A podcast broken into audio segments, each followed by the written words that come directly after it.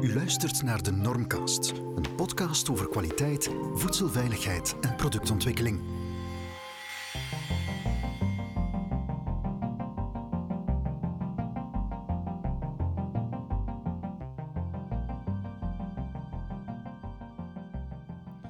Beste luisteraars, welkom bij een nieuwe episode van de Normcast. Ik ben Jens Bouters en samen met mijn collega Ruben Haleet verwelkomen wij vandaag Koen de Braakleer van de firma Testo. Welkom Koen. Dank u. Koen staat sinds 2004 in het werkveld en was actief als service engineer, sales engineer, trainer, technisch trainer, noem maar op. Maar Koen, ondertussen ben je al een 12 jaar actief bij Testo België. Gestart als sales manager Brussel, daarna key manager food solutions en om te eindigen, allez, nog niet echt om te eindigen natuurlijk, hè, eh, als business manager solutions. Een hele hoop titels, Koen. Misschien kan je je carrière of de titels wat verder toelichten? Ja, die titels, dat is altijd een, uh, een zwak punt. Dus um, ja, ik ben gestart als, uh, uit school als uh, elektromechanicus. Dus ik heb elektromechanica gestudeerd en ben dan aan de slag gegaan als, als technieker, field service technician. maar ik ben snel tot de conclusie gekomen dat ik meer iets met verkoop wou gaan doen. En dus ben ik zo uh, overgestapt naar een carrière in de verkoop. Eerst als uh, sales engineer, zoals dat ze dat zo mooi noemen. En nadien inderdaad bij Testo terechtgekomen in 2008. En eerst heb ik de regio Brussel voor mij genomen, waar ik dus de toestellen van Testo verkocht in alle domeinen. Zowel in de HVAC als in de food als in de pharma. Um, en dan hebben ze mij gevraagd, even terugdenken in 2017, om er uh, een nieuw product bij te nemen. Uh, onze solutions, zoals dat zo mooi noemt. Uh, dat zijn de oplossingen om te digitaliseren. voornamelijk vandaag in de food quality. een digitale manier van werken te gaan implementeren bij de klanten. In eerste instantie heb ik dat erbij genomen, dus bovenop het werk in de regio Brussel. Maar al snel bleek uh, dat dat niet haalbaar was en dat ik dus in 2018 volledig ben overgegaan naar die nieuwe business unit. Um, eerst onder leiding van, van iemand anders, Jan Bamelis, die ons ondertussen vertrokken. En nu heb ik de leiding overgenomen over die business unit. Ja, top. Hij zegt business units, zijn er, dan, zijn er dan nog business units binnen Testo? We hebben eigenlijk twee grote domeinen. We hebben een domein die, die wij noemen instrumentatie en dan hebben we het domein die we noemen de solutions. Um, dus het domein instrumentatie zijn alle handheld toestellen die uh, de technieker of de persoon in zijn handen neemt om gewoon dagelijkse metingen mee uit te voeren. Dat kan gaan van een, uh, een, klassieke voedingsthermometer over een thermische camera naar een rookgasanalyser, naar een toestel voor ventilatie te gaan meten, luchtkwaliteit te gaan controleren. Uh, al die toestellen die vallen onder het domein instrumentatie. En in het domein solutions hebben we twee grote oplossingen. Uh, eentje voor de pharma en eentje voor de voeding. En daar combineren we zowel onze sensoren, onze producten, als software, als service. Dus daar gaan we eigenlijk een combinatie maken van toestellen die we koppelen aan een software om al die data te gaan verzamelen, te gaan presenteren en ook onze services voor installatie, mapping en dergelijke meer te gaan uh, aanbieden. Ja, je hebt het al een, een beetje aangegeven. Hè? Dus eigenlijk elk voedingsbedrijf kent wel een thermometer of heeft wel een thermometer, een sensor of een logger. Uh, vaak komen die van bij Testo. Wat is Testo dan eigenlijk en waarvoor kan een voedingsbedrijf bij jullie terecht? Ja, Testo is ontstaan in uh, de jaren 50. Uh, met een van de eerste industriële thermometers zijn zij op de markt gegaan. En zijn sindsdien echt alleen maar gegroeid in de ontwikkeling van nieuwe toestellen.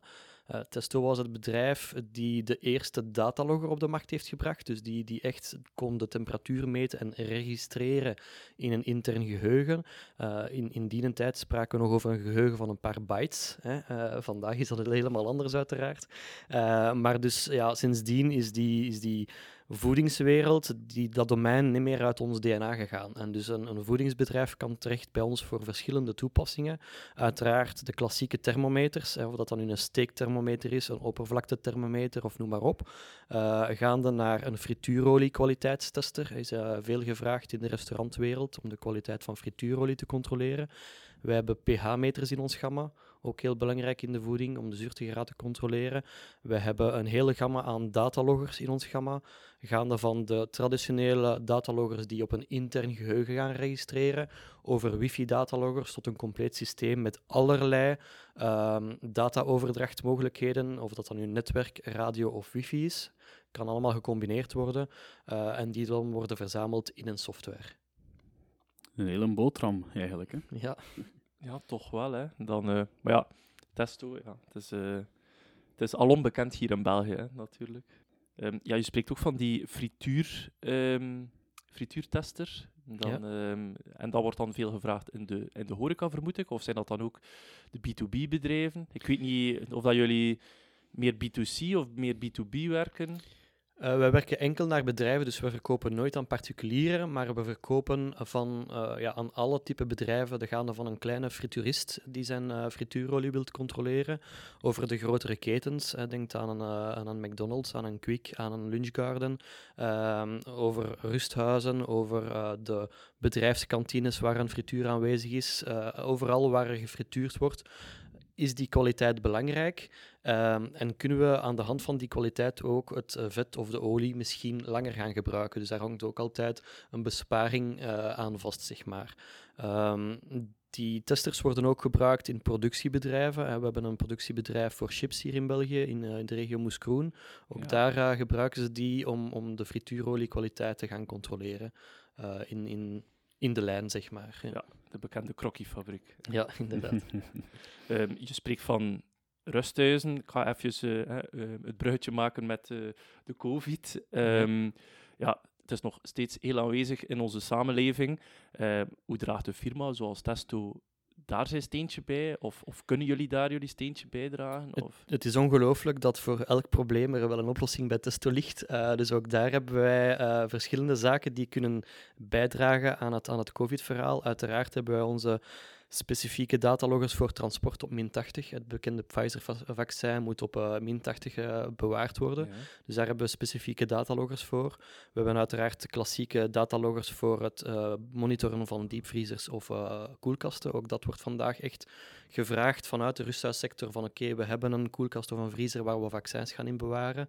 Zorg dat wij die kunnen bewaken. Zorg dat wij alarm krijgen, moest daar iets mee misgaan, want wij willen die vaccins niet gaan verliezen. Um, het laatste wat echt heel veel uh, gevraagd wordt, heel veel gevraagd wordt, is CO2-bewaking. Dus uh, u hoort vaak op, op het nieuws dat die CO2 belangrijk is om een idee te geven over de luchtverversing in een ruimte en dus over de mogelijke aanwezigheid van een virusdamp. Dus die CO2-bewaking hebben wij ook in ons gamma, zowel met draagbare toestellen als met een logger die echt die temperatuur, relatieve vochtigheid en CO2 gaat monitoren en die een alarm gaat uitsturen mocht die CO2 te hoog gaan. En dan weten we, die ruimte moet ge geventileerd worden daar bestaat een risico dat er een virusdamp aanwezig kan zijn. Oké, okay. dus dan krijgt er iemand een alarm op zijn gsm of zo? Of, of, ja. uh, of via mail? Of... Die alarmen kunnen inderdaad verstuurd worden per mail, per sms, uh, naar wat dat de klant wil. Uh, ook op het toestel is er vaak een indicatie met leds. Groen, oranje, rood. Het bekende stoplicht staat daarop. Er staat ook echt een display op waarop dat de waarde kan afgelezen worden, maar die moet dan weer geïnterpreteerd worden door de mensen uiteraard. Dus het stoplicht is heel gemakkelijk. We zien het wordt oranje. Ik ga de vensters al een beetje op kip zetten. Of het zou rood zijn. Vensters wagenwijd open en goed ventileren. Ja. Het zijn al ja, mooie digitale toepassingen al direct. Ja, ja toch wel. Hè. Je, je, je spreekt van die loggers bij min 80. Dat zijn gewone loggers die, die achteraf worden uitgelezen? Of is dat een... Uh, een, uh, een live uitlezing? Of? We hebben de twee. We hebben een specifieke logger voor transport op min 80. Dat is een USB-datalogger. Dus die kan je gewoon instellen uh, hoe lang dat je transport gaat duren, wat dat de gewenste temperaturen zijn, welke afwijkingen die we gaan toestaan. U steekt dat bij het transport en uh, dan nadien gaan we die uitlezen, steken we die in de computer en krijgen we daar een rapportje uit en zien we eigenlijk direct of dat het ja, dat de gewenste temperaturen behouden bleven of dat we daar zijn overgegaan. Uh, maar we hebben ook echt live monitoring, dus dat kunnen we met externe sondes dan meestal doen. Uh, dat doen we met thermokoppels uh, tot min 80 graden en dan hangt de logger buiten die omgeving, gaan we met een sonde naar binnen en dan hebben we echt live monitoring. Dan gaan we een meting doen met een bepaalde frequentie naar wat de klant wilt, elke vijf minuten, elke kwartier. en dan kunnen er effectief alarmen worden verstuurd naar een verantwoordelijke per sms, per mail, als er iets zou misgaan. Ja, lijkt mij wel al... Allee, het is al stevig om in te werken, hè, min 80 graden. Dan eh Dat is boeiend, ja. kun, je niet, kun je niet zomaar eh, een normaal loggertje erbij plaatsen. Dat Nee. vereist wel wat specialere technieken. Batterijen houden niet zo van die hele koude temperaturen, dus om daar echt een, een, een logger in te steken, dan moet al heel specifiek weten waar we aan toe zijn. Ehm, maar dus meestal gebeurt dat met externe sondes. Pen en papier gaat eh, langzaamaan vervangen worden door de digitale tools. En wij denken bijvoorbeeld aan registraties, werkmethoden. Eh, hoe zien jullie die, deze evolutie eigenlijk bij Testo? Dat is eh, specifiek mijn verantwoordelijkheid binnen, binnen mijn business unit, waar we werken op die digitalisatie. We hebben een concept op de markt gebracht in 2018 waar we werken met een tablet, waar de klant eigenlijk al zijn checklist kan gaan digitaliseren. Dus wij werken met een workflow eh, die we visueel in een programma kunnen, kunnen bouwen. Eh, en die wordt dan overgebracht op die tablet, zodanig dat ze daar een, een vragenlijst krijgen en dat ze aan de hand van hun antwoorden op die vragen naar een volgende stap kunnen gaan, eh, begeleid worden om die checklist correct eh, in te vullen. Eh, en zo wordt eigenlijk alles gedigitaliseerd. Eh, aan die tablet hangen dan eh, via Bluetooth verbonden meettoestellen eh, om echt ook de gemeten temperatuur draadloos over te dragen naar die tablet en om echt een zekerheid te krijgen van die meting. Dus het is niet intikken, want dan kan er uiteraard nog altijd ingetikt worden wat we willen. Maar aan de hand van die Bluetooth-thermometer gaan we eh, de temperatuur meten, ofwel met infrarood ofwel met de steekzonde. En we gaan die draadloos eh, naar de tablet sturen. Dat wordt allemaal geregistreerd in de cloud, zodanig dat dan een kwaliteitsdienst of de kwaliteitsmanager een zicht krijgt op de resultaten van al die checklists, daar een reporting kan van gaan maken en kan gaan opvolgen waar kunnen we bijsturen, welk proces loopt er nog niet 100%. We kunnen die terug gaan aanpassen, het nieuwe proces naar de tablet sturen en, en zo gaan we altijd verder. Het voordeel van die digitalisatie is dat de mensen eh, zich niet meer kunnen vergissen. En ze kunnen geen een checklist van twee maanden geleden gaan afprinten. Nee, ze hebben altijd de laatste versie op hun tablet staan. Eh, ze worden ook begeleid in die checklist. Ze kunnen niet zomaar even eh, weggaan van het juiste pad. Nee, ze zitten echt vast in, die, in dat stramien die werd geprogrammeerd. En dat maakt dat dat toch wel vrij eenvoudig is om aan de mensen uit te leggen en, en om daarmee aan de slag te gaan. De mensen op de vloer, ja, die moeten gewoon uitvoeren wat op de tablet staat en en that's it. En wordt dat goed ontvangen, die, die extra digitalisatie? We merken dat daar toch meer en meer vraag naar is. Uh, we weten allemaal dat de arbeidsuren in België uh, het duurste zijn van, van een productieproces of van een, uh, van een bedrijfsproces. Wat maakt dat elke tijdswinst die we kunnen boeken welkom is. digitalisatie is sowieso tijdswinst. Uh, daarom niet altijd specifiek direct op de vloer bij het invullen, want of dat we het nu invullen op papier of op een digitale manier, dat blijft min of meer gelijk. Maar uh, voornamelijk achteraf bij het verzamelen van de documenten, bij het registreren van de documenten, het bewaren van de documenten, uh, zit een tijdsbesparing. En het grootste voordeel van die digitalisatie is dat we nu ook effectief analyses kunnen gaan maken. En waar vroeger die documenten gewoon werden in een, in een map gestoken en bewaard, werd niet naar gekeken. Ja, één keer is alles ingevuld, oké, okay, up, de map in. Ja, dan hebben we nu echt de mogelijkheid om die data te gaan analyseren, te gaan vergelijken met vorig jaar, verschillende sites te gaan vergelijken met elkaar. En dat maakt het echt wel uh, interessant en nuttig in deze tijd. Jullie bieden ook uh, calibraties aan, eikingen aan. Uh, justificatie en verificatie zijn ook twee termen die vaak doorheen elkaar gebruikt worden eigenlijk. Mm -hmm. um, kan jij onze luisteraars op het rechte pad brengen en eens ja. uh, duidelijk uitleggen wat nu het verschil is? Ja, dat is inderdaad een, een, een heel, ik kan niet zeggen complex gegeven. Het is eigenlijk niet complex, maar er wordt inderdaad met heel veel termen gegoocheld. Uh, belangrijk om te weten is dat de meeste toestellen, als je die koopt, die gaan komen met een protocol. Een protocol is een controle in de fabriek op een bepaalde temperatuur of dat het toestel binnen zijn technische specificaties valt.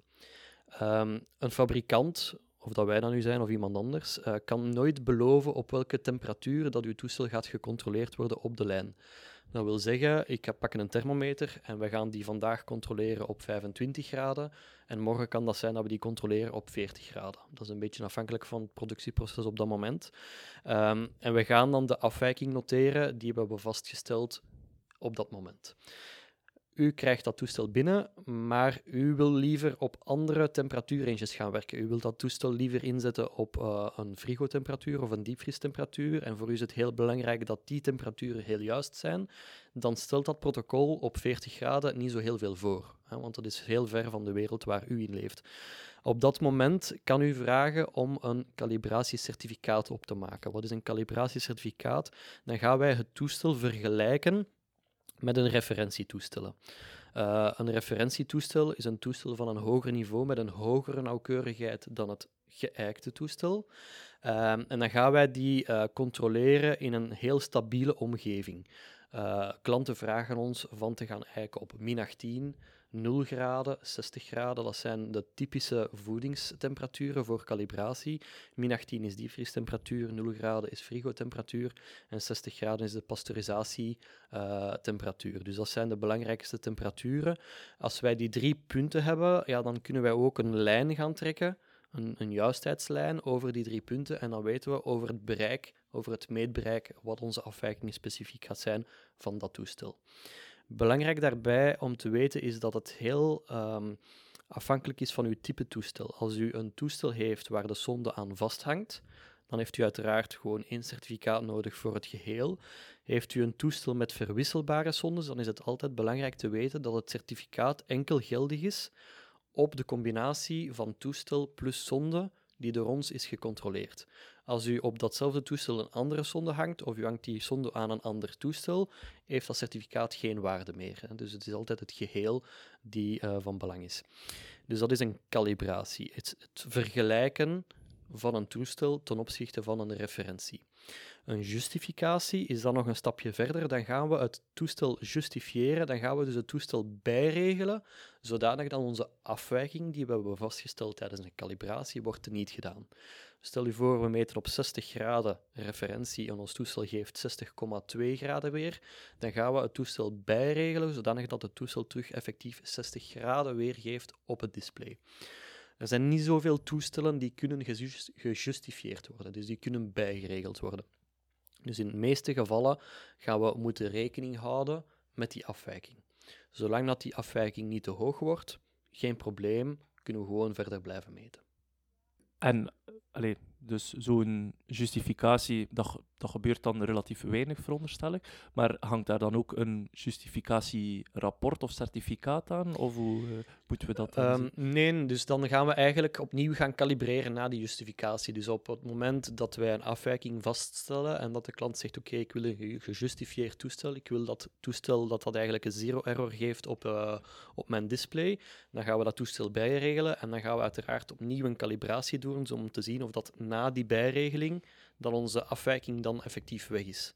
En het is dat rapport die dan uiteindelijk aan de klant gaat uh, gegeven worden, zodanig dat enkel met de laatste rapport en dus met de juistheid van het toestel dient rekening te houden. Ja, en stel dat er bijvoorbeeld dan toch een afwijking is, hè, neem nu die 60 graden en, uh, en u meet het 60,2 graden, um, wat, uh, maar het toestel kan niet gejustificeerd gejustificeerd worden. Wat, wat, doet u, wat doet u dan? Wanneer is het nog conform? Wanneer is het niet conform? Dus elk toestel heeft specifieke technische specificaties waar het uh, moet aan voldoen. Dus de meeste voedingsthermometers maken gebruik van een NTC-technologie. Een NTC mag nooit meer dan een halve graad afwijken. Dus zolang dat we binnen die technische specificaties vallen, kan ons toestel nog perfect gebruikt worden, maar dan moeten we rekening houden met die afwijking. Wat wil zeggen, als wij uh, goederen zeg maar, moeten afkeuren als die onder de 60 graden gaan, en wij meten bij 60, 60,2, dan moet ik dus echt zorgen dat ik niet onder die 60,2 ga. Dus daar moeten de mensen op dat moment rekening mee houden. Maar er worden in de voedingswereld altijd genoeg toleranties ingebouwd om eigenlijk die kleine afwijking van een thermometer te niet te doen.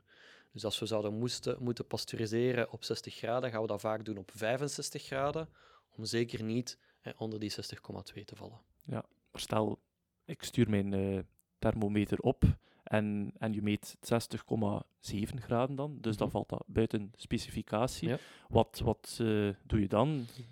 Dan wordt de klant verwittigd dat zijn toestel buiten tolerantie valt, noemen wij dat. Uh, en dan is het aan de klant om te beslissen of dat voor zijn proces nog geschikt is of niet. Vaak wordt dan gekozen, nee, oké, okay, dat toestel valt buiten tolerantie.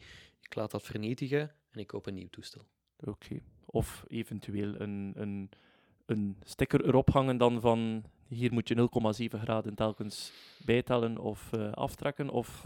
Dat wordt weinig gedaan en is, is ook gevaarlijk, want stickers durven al eens loslaten. Ja. En uh, dus zolang dat we eigenlijk buiten tolerantie vallen, zal Testo altijd aanraden van dat toestel niet meer te gebruiken. Ja.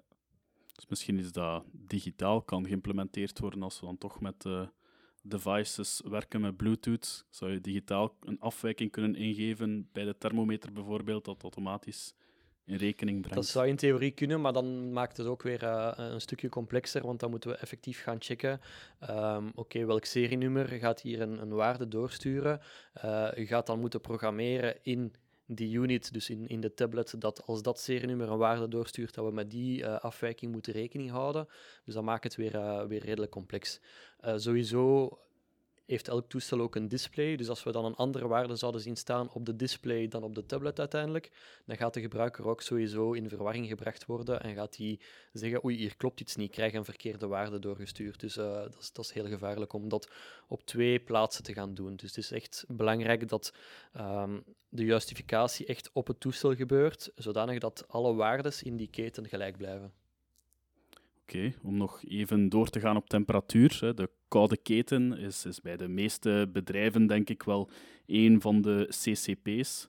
Um, wat is jouw ervaring met, met de kennis over koeling bij bedrijven? Ligt dat wat onder de verwachtingen of hebben de meeste bedrijven wel een goed idee van, van hoe dat ze hun koeling moeten gebruiken? Dat is uh, geen eenvoudige vraag, uh, waar dat dan waarschijnlijk een heel lang antwoord gaat op volgen. Um, koeling is echt niet eenvoudig. Dus uh, het, het, het, fysisch proces van iets te koelen is eigenlijk heel ingewikkeld. Um, wat maakt dat klanten niet altijd helemaal op de hoogte zijn van wat er gebeurt in een, in een koelkamer of in een koelkast. Um, de temperatuursgradient of de temperatuurs Uh, bewegingen in een koelkast zijn, zijn heel belangrijk en het is, het is uh, heel voornaam dat de klant weet waarmee dat hij bezig is daar rond. Uh, we zien dat daar toch fouten worden gemaakt. Um, welke fouten worden er gemaakt? Er worden producten op de verkeerde plaats in een koelkamer gestockeerd. De gevoeligste producten liggen vaak te kort bij de deur. Um, de conceptie van een koelkamer is belangrijk. En waar gaat mijn verdamper hangen? Hoe gaat je luchtflow in die ruimte gaan bewegen? Uh, zijn er geen dode hoeken waar er geen luchtbeweging is en dus waar dat de temperatuur eigenlijk een beetje kan gaan stijgen? Dat is allemaal heel belangrijk om, om afhankelijk van uw type producten uiteraard, goed te weten waar waarmee dat we bezig zijn. Uh, ik denk dat we daar in de voeding nog heel veel kunnen leren van de farmawereld. Uh, de farmawereld is, is uh, bezig met ongeveer dezelfde range. Dus producten in de farma moeten vaak tussen 2 en 8 graden bewaard worden. Uh, in de voeding zitten we vaak tussen 0 en 4 graden, dus nog iets kleiner. Maar in de farma zien we dat uh, de termen mapping en, en, en mappingsrapporten heel erg belangrijk zijn en heel erg ingeburgerd zijn. Daar gaan ze heel vaak vragen aan een, aan een externe bron om hun koelkamers of koelkasten te gaan mappen. Dus dan worden die gevuld met heel veel loggers en dan gaat er gekeken worden waar de warmste en de koudste punten in die ruimte aanwezig zijn. Um, onze fabrikant van ons vaccin, Pfizer, in Puurs, die doen dat om de zes maanden. En die gaan dus om de zes maanden heel effectief hun uh, punten waar ze meten, hun, hun registratiesysteem echt gaan verplaatsen naar het koudste en het warmste punt in die ruimte, zodanig dat ze zeker zijn dat in gans de ruimte dat ze binnen die range vallen die zij hebben vooropgesteld. Interessant dat ze dat elke, elke zes maand toch controleren. Ja, inderdaad. Dat is, een, dat is een heel belangrijk punt in die firma. Dus uh, om u een idee te geven, daar hebben ze twintig elektrotechniekers rondlopen die dag in dag uit niet anders doen dan het meetsysteem gaan verplaatsen en op de juiste plaats gaan hangen in, in het gevolg van een mapping. In vergelijking met de voedingsindustrie. Hè, en, allee, als we een standaard voedingsbedrijf nemen, worden, worden die koelkamers uh, of die koelcellen of die diepvriescellen dan ook uh, vaak gemapt of helemaal niet? Te weinig, veel te weinig. Um, meestal wordt er gewoon van uitgegaan van ja, hangt die loker maar ergens op een zichtbare plaats waar het voor mij goed uitkomt en daar gaan we, gaan we meten. Maar dat is niet per se de juiste plaats. Um, onze mensen hebben wel ervaring en kunnen een, een goed advies geven, zelfs zonder mapping. Oké, het beste resultaat ga je hebben als je je logger op die plaats hangt. Maar dat is ook geen exacte wetenschap op dat moment. Dat is een advies op ervaring gebaseerd. Maar dat is geen, uh, geen wetenschap. Ja, eigenlijk zouden we zelf moeten teruggaan naar, naar, de, naar de bedrijven die de koelingen plaatsen. Hè. Um, zij plaatsen dan waarschijnlijk ook de loggers, of niet altijd? Nee, niet altijd. Uh, er zijn bepaalde firma's die effectief uh, met ons of met anderen samenwerken om loggers ook aan te bieden aan de klant en die dat dan ook gaan uh, plaatsen. Maar er treedt nog te vaak een, een belangenconflict op. Wat noem ik een belangenconflict? Dat klinkt misschien zwaar, maar een koeltechnieker wil graag dat zijn installatie een juiste temperatuur toont. En dus die gaat per uitzondering of, of soms zijn logger en zijn sensor gaan plaatsen op de voor hem meest ideale plaats. Als logger plaatst net voor de verdamper, gaat hij altijd een juiste temperatuur geven. Ja. Maar uh, dat wil niet zeggen dat die temperatuur in heel de koelkamer correct is. En constant correct is. Dus dat is uh, gevaarlijk, tussen aanhalingstekens, om dat te, toe te vertrouwen aan de koeltechnieker. Um, die, die sensors dan, um, dat dan worden gebruikt, worden die, worden die ook gekalibreerd? Ja, dat zien we wel. Dus dat de voedingsbedrijven uh, zeker al een aantal jaar, maar meer en meer bezig zijn met de calibratie van hun uh, sensoren. Dus die worden al vaker, niet altijd bij aanschaf gecalibreerd, maar uh, zeker nadien, dat is ook een, een, vereiste van het FAVV uiteraard, dat hun, hun meetsysteem correct meet. En dus die worden regelmatig gecontroleerd. Ja. Dat is misschien wel um, een interessante vraag. Hè? Iemand dat uh, um, een bepaalde installatie aankoopt, of loggers plaatst, of een thermometer aankoopt. Ja, die, is die gekalibreerd? Ja, waarschijnlijk wel, maar dan niet, op de, niet altijd op de gebruikte temperatuur. Wat, wat raden jullie dan aan? Ja. Dus inderdaad, Zoals ik daar juist zei, de meeste thermometers komen met een protocol, uh, niet altijd op de juiste temperatuur naar wat de klant uh, verlangt. Um, vaak moeten we kijken naar de, naar de meettechnologie en uh, vaak is dat op zich wel voldoende. Hè. Als we gaan kijken naar de meest gebruikte thermometer, een NTC-toestel, die meet met een hoogst mogelijke afwijking van 0,5 graden. Vaak is die veel beter dan dat. Uh, wat dat meestal voldoende is om gewoon te starten zonder calibratieprotocol. Um, er wordt gevraagd aan de bedrijven om altijd een geëikte moederthermometer in hun, in bedrijf aanwezig te hebben. Dus dat is één thermometer waar ze eigenlijk dagelijks niet mee meten. Die ligt op bureau, bij wijze van spreken, maar die is wel gekalibreerd op de juiste punten. En stellen zij uh, zich vragen bij de meting van een van hun vaak gebruikte toestellen, van hun dagelijks gebruikte toestellen, kunnen ze altijd zelf op dat moment gaan bekijken of er een afwijking is tussen hun moederthermometer en de gebruikte thermometer.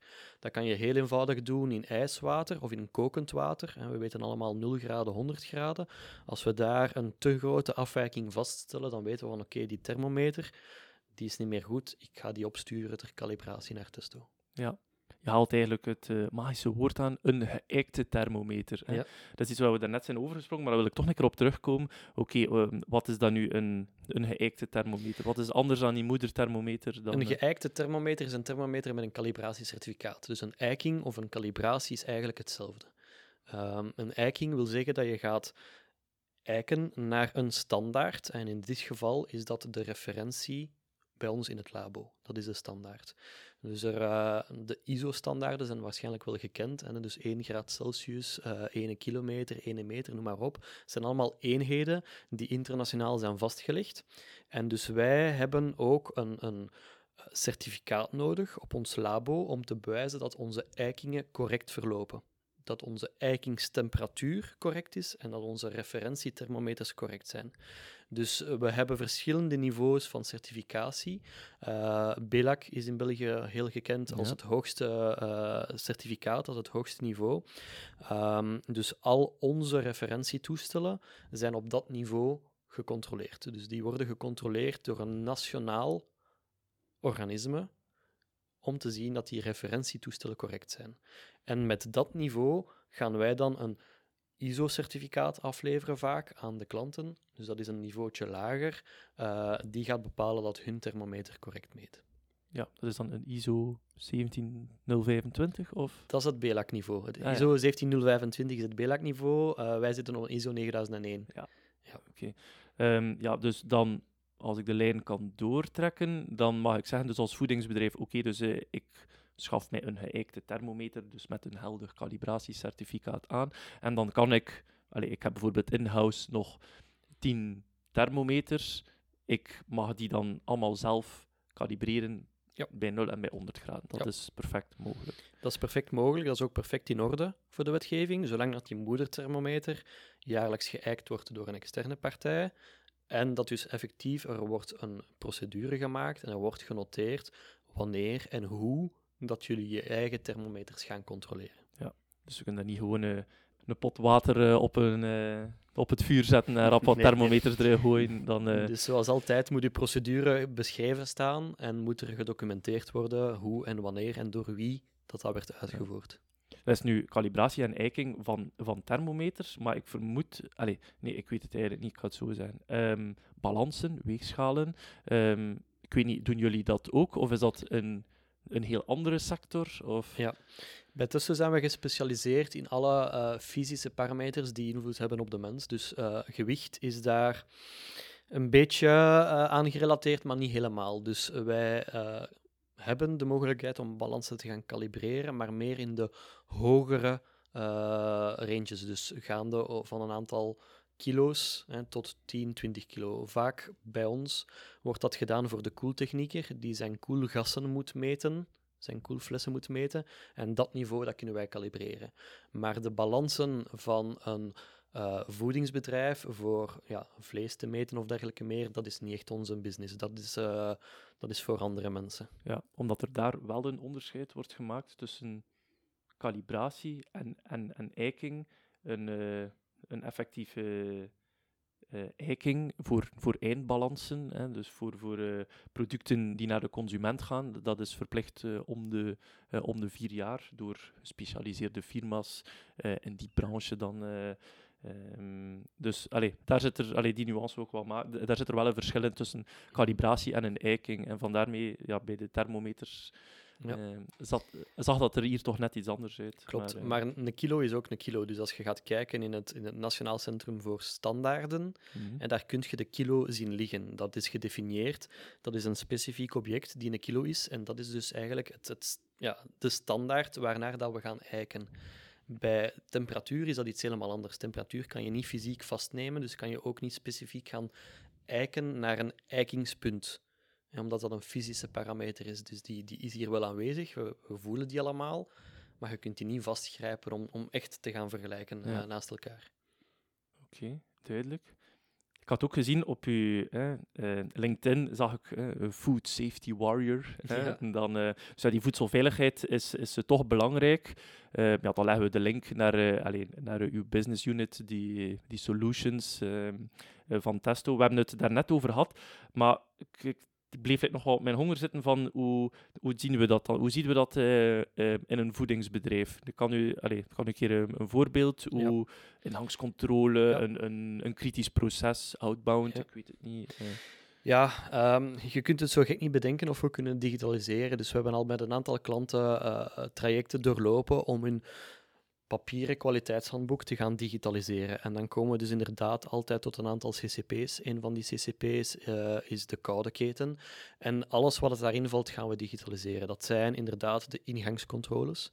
Eh, dus ze kunnen een leverancier aanklikken op hun tablet. Die tablet weet, die leverancier die levert mij vlees. Dat moet tussen de 0 en de 4 graden binnenkomen. Die gebruiker gaat meten met zijn thermometer, stuurt zijn waarde door. 3,6. De tablet zegt 3,6 graden. Oké, je mag die levering ontvangen. En op naar de volgende stap. Ehm, dat is hetzelfde proces bij heel veel klanten, maar toch kruipen daar altijd andere nuances in. We hebben klanten in een eh, productieomgeving die ingangscontrole doen op een digitale manier. En die gaan die eh, leveringen controleren op netheid. Gaan zien of dat die vrachtwagen proper is als, de, als die binnenkomt. Gaan controleren dat de levering overeenstemt, uh, overeenstemt met de bestelbon.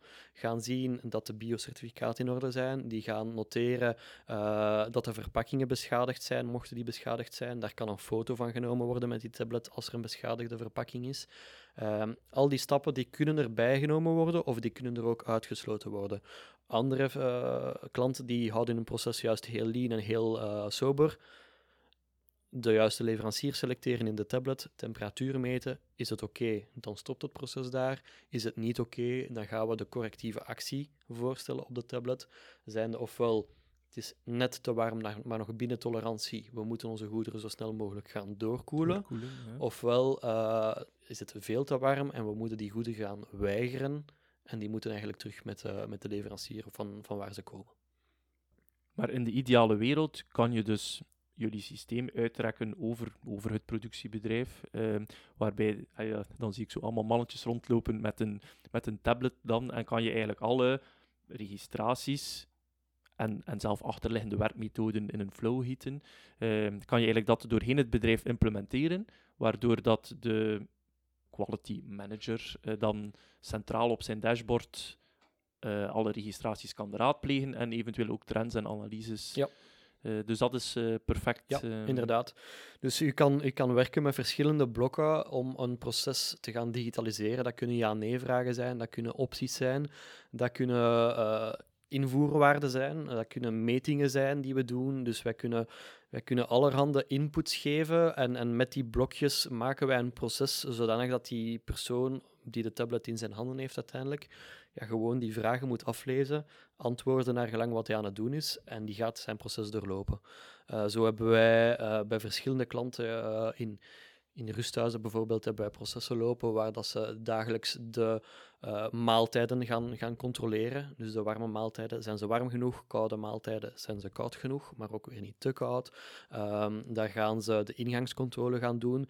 Daar doen ze zelfs controle van de uh, reiniging van, van de kamers en dergelijke meer. Dus daar hebben ze heel zware en dure contracten met reinigingsfirma's. Dus daar gaan ze uh, gebruik maken van ons systeem om op een digitale manier die reiniging te gaan controleren.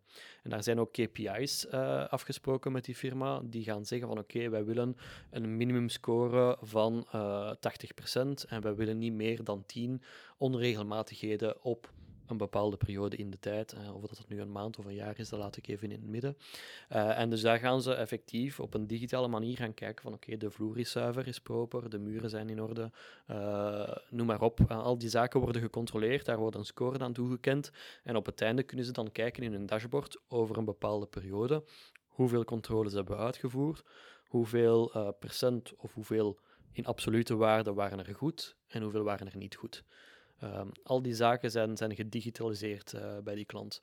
Um, je kunt controle doen na een kookproces. Hè. Hebben wij uh, iets voldoende verhit hè, om de voedselveiligheid te garanderen. Uh, wij kunnen controle doen als er iets uit de oven komt. Wij kunnen een volledige um, afkoelingscyclus gaan controleren. Dus wij kunnen zeggen, oké, okay, ik ga meten als het uit de, uit de oven komt. Dan moeten we minstens 60 graden hebben in de kern. Dan vervolgens steken we het in de snelkoeler. Uh, die moet daar twee uur in blijven. En na die twee uur moet ik absoluut onder de 4 graden zitten. Mm -hmm. Ja, dat kunnen wij volledig gaan digitaliseren met die tablet. Uh, daar zitten timers op, zodanig dat de persoon weet van, ah, ik zit nu een uur en 50 minuten, dus binnen 10 minuten moet ik mijn producten uit die snelkoeler gaan halen en gaan zien dat ik onder de 4 graden ben.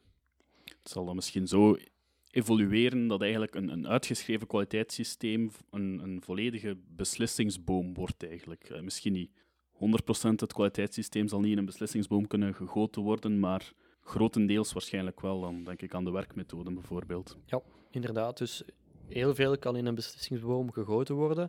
En we hebben de mogelijkheid om, om achterliggende documenten, uh, de processen, de, de werkinstructies, zeg maar ook, te gaan uh, tonen op die tablet. Uh, dus u kan heel eenvoudig bij elk blokje een hulptekst bijzetten, een hulpafbeelding bijzetten, om te tonen van kijk, meet de temperatuur, dat is allemaal goed en wel, maar hoe moet je nu eigenlijk gaan meten? Op welke plaats, op welke afstand, hoe diep, dat kan allemaal getoond worden tijdens dat je het aan het doen bent. Dus dat maakt dat eigenlijk eh, dit systeem, een digitale systeem, ook tegelijkertijd training on the job is. En ook als je dat aan iemand nieuw geeft, die kan lezen en zien wat hij moet uitvoeren en hoe dat hij het moet uitvoeren. Wat maakt dat het, het, uh, ja, de training minder intensief moet zijn in het begin, dat ze gewoon die tablet kunnen vastnemen en eigenlijk kunnen starten. Als je kan lezen, dan weet je perfect wat je kan doen. Die, die tablets, zijn die dan speciaal gemaakt voor, voor, in de, voor in de voeding of zelf in de pharma gebruikt te, te worden? Of, of, um, of moet ik mij uh, een gewone Apple voorstellen, een tablet? Of, uh... um, het, zijn, het zijn vrij standaard tablets, uh, want wij zijn wel fabrikant van meetapparatuur, maar we zijn geen fabrikant van elektronica zoals een tablet. Hè, dus die kunnen we beter extern inkopen. Maakt nog altijd een, een een efficiënter uh, deel uit dan van, van een proces dan we dat zelf zouden maken. Maar wij doen daar uiteraard uh, een speciale hoes rond. Die hoes die is voedselveilig. Mm -hmm. die hoes die is afwasbestendig, dus je kan die in het, de vaatwas gaan steken, liefst zonder tablet. um, die kan, die kan uh, schoongemaakt worden, maar dat maakt dat die, dat die ja, je hebt eigenlijk een, een een tablet vast van een, van een gekende constructeur met bepaalde waarborgen en, en zaken, maar daar zit een specifieke testohoes rond die het voedsel veilig maakt, die het uh, heel eenvoudig maakt om, om te gebruiken. Daar zitten rubbertjes achteraan waar dat je je hand kan inschuiven. Uh, om hem op te laden moet je niet met een kabeltje zitten in te pluggen, maar kan je hem gewoon op een docking zetten. Dus al die zaken hebben wij toegevoegd om het de uh, voedingswereld of de persoon die die tablet gaat gebruiken zo eenvoudig mogelijk te houden. Ja, ik had nog een vraag. Ja, zie, zie ik dan een een digitale kwaliteitsmanager, een, uh, een leger aan IT'ers erachter? Of hoe, hoe wordt dat dan geregeld? Nee, helemaal niet. Dus wij, wij bieden verschillende opties. Dus wij kunnen um, een bestaand kwaliteitshandboek volledig digitaliseren voor de klant. Dus wij bieden dat aan als een service. Maar het systeem is eigenlijk zo eenvoudig gemaakt um, dat hij perfect zelf ook zijn processen kan aanpassen. Dus als op een hele grafische manier met blokjes dat er gewerkt wordt in een, in een visuele weergave. En uh, als je een blokje temperatuur in, in je proces sleept, gaat hij zelf vragen van oké, uh, wat zijn de minimum- en maximumwaarden? Ik wil bijvoorbeeld uh, niet onder de 0 en niet boven de 4 graden gaan. Je kan dat gewoon intypen en dan komt er automatisch een vervolg aan vast. Dus uh, gaat het systeem u vragen van oké, als het dan toch onder 0 graden is, wat wil je daarmee gaan doen? En dan kan je daar weer een nieuw blokje gaan achterslepen. Als het boven de 4 graden is, wat wil ik daarmee gaan doen? Opnieuw kan je daar dan een blokje naartoe slepen. En zo ga je eigenlijk zelf je proces gaan bouwen. Um, en doordat het zo eenvoudig is, doordat het zo visueel is weergegeven, je moet helemaal geen, geen enkele code kennen. Um, kan je heel gemakkelijk en op een heel efficiënte manier je processen ook constant bijsturen. Dat is een ander groot voordeel van een digitaal systeem. Het is eigenlijk ook een continu verbeterproces. Als je ziet, oei, we hebben bij ingangscontrole toch nog problemen op een of ander punt, dan kan je heel eenvoudig je proces een beetje gaan bijsturen. Je rolt het uit naar de geconnecteerde sites, geconnecteerde tablets. En de dag later is dat nieuw proces actief. Ze kunnen niet meer op het vorige proces werken, want dat is verdwenen. Het is sowieso vervangen door het nieuwe. En dat maakt dat je eigenlijk continu kan verbeteren, aanpassen en, en verder bouwen aan het systeem. Ja, oké. Okay. Dus lijkt mij wel uh, allez, gebruiksvriendelijk ook. Uh... Het, is, het is heel gebruiksvriendelijk.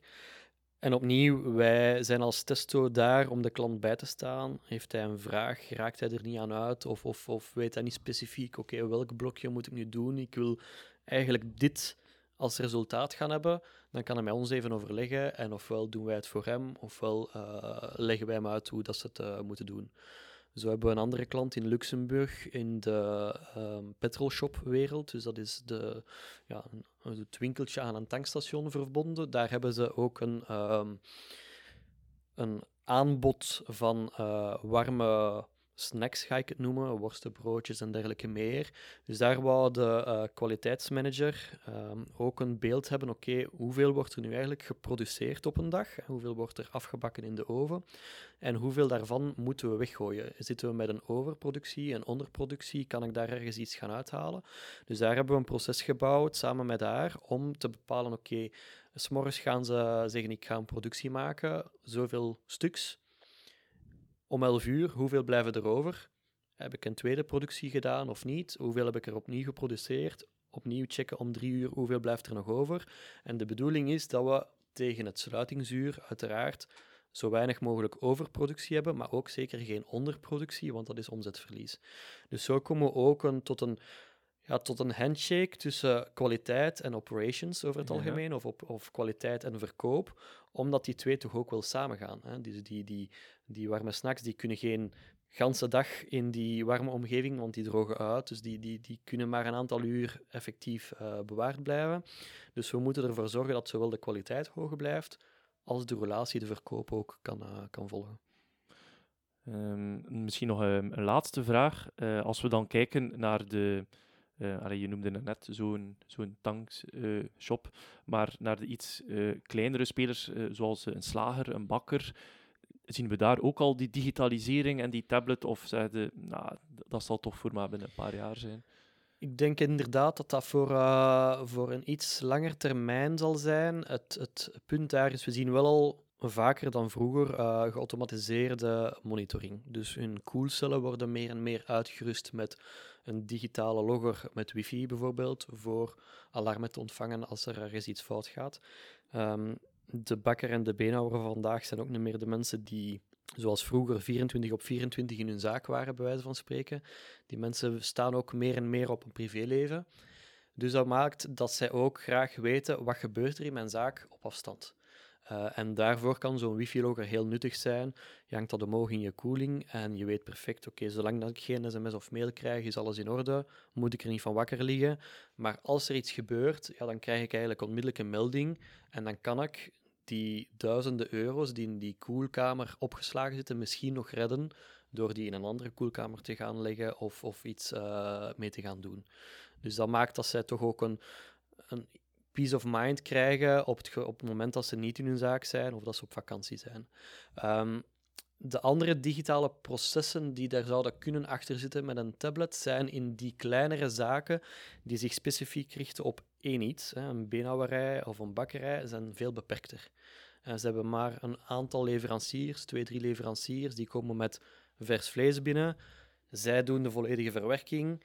En dus die, die koude keten is eigenlijk heel kort. Wat maakt dat ze daar minder nood hebben aan die digitalisatie. Maar ik denk in de, in de middellange termijn dat het FAVV gaat zien als er meer ehm, mogelijkheden gaan komen op de markt rond die digitalisatie, dat ze daar toch ook wel een voordeel van inzien en dat ze dat gaan stimuleren om dat, eh, om dat ja, te nemen en, en te gebruiken. Oké, Koen, bedankt voor eh, de aangename en vlotte babbel. Het was zeer leerrijk. hè. Graag gedaan. Ja, het was echt leerrijk. Wij onthouden hè, dus dat ja, die digitalisering eigenlijk volop aan de hang is en dat zal de komende jaren daar, daar niet op verminderen, in, eh in tegendeel zelf. Hè. Ehm, wij danken ook onze luisteraars. Hè. Volgende maand staan wij opnieuw paraat met eh, een gloednieuwe podcast. Ik zou dus zeggen, hou eh, zeker onze website in de gaten. Dank u wel, Koen. Dank u wel, Ruben. Alsjeblieft. Tot de Dank volgende keer. Ciao, ciao. Dag. Bedankt voor het luisteren naar deze Normcast. Bezoek zeker onze website www.amnormand.be voor blogposts, boeiende artikelen en uiteraard onze podcasts. Of volg ons via de gekende mediakanalen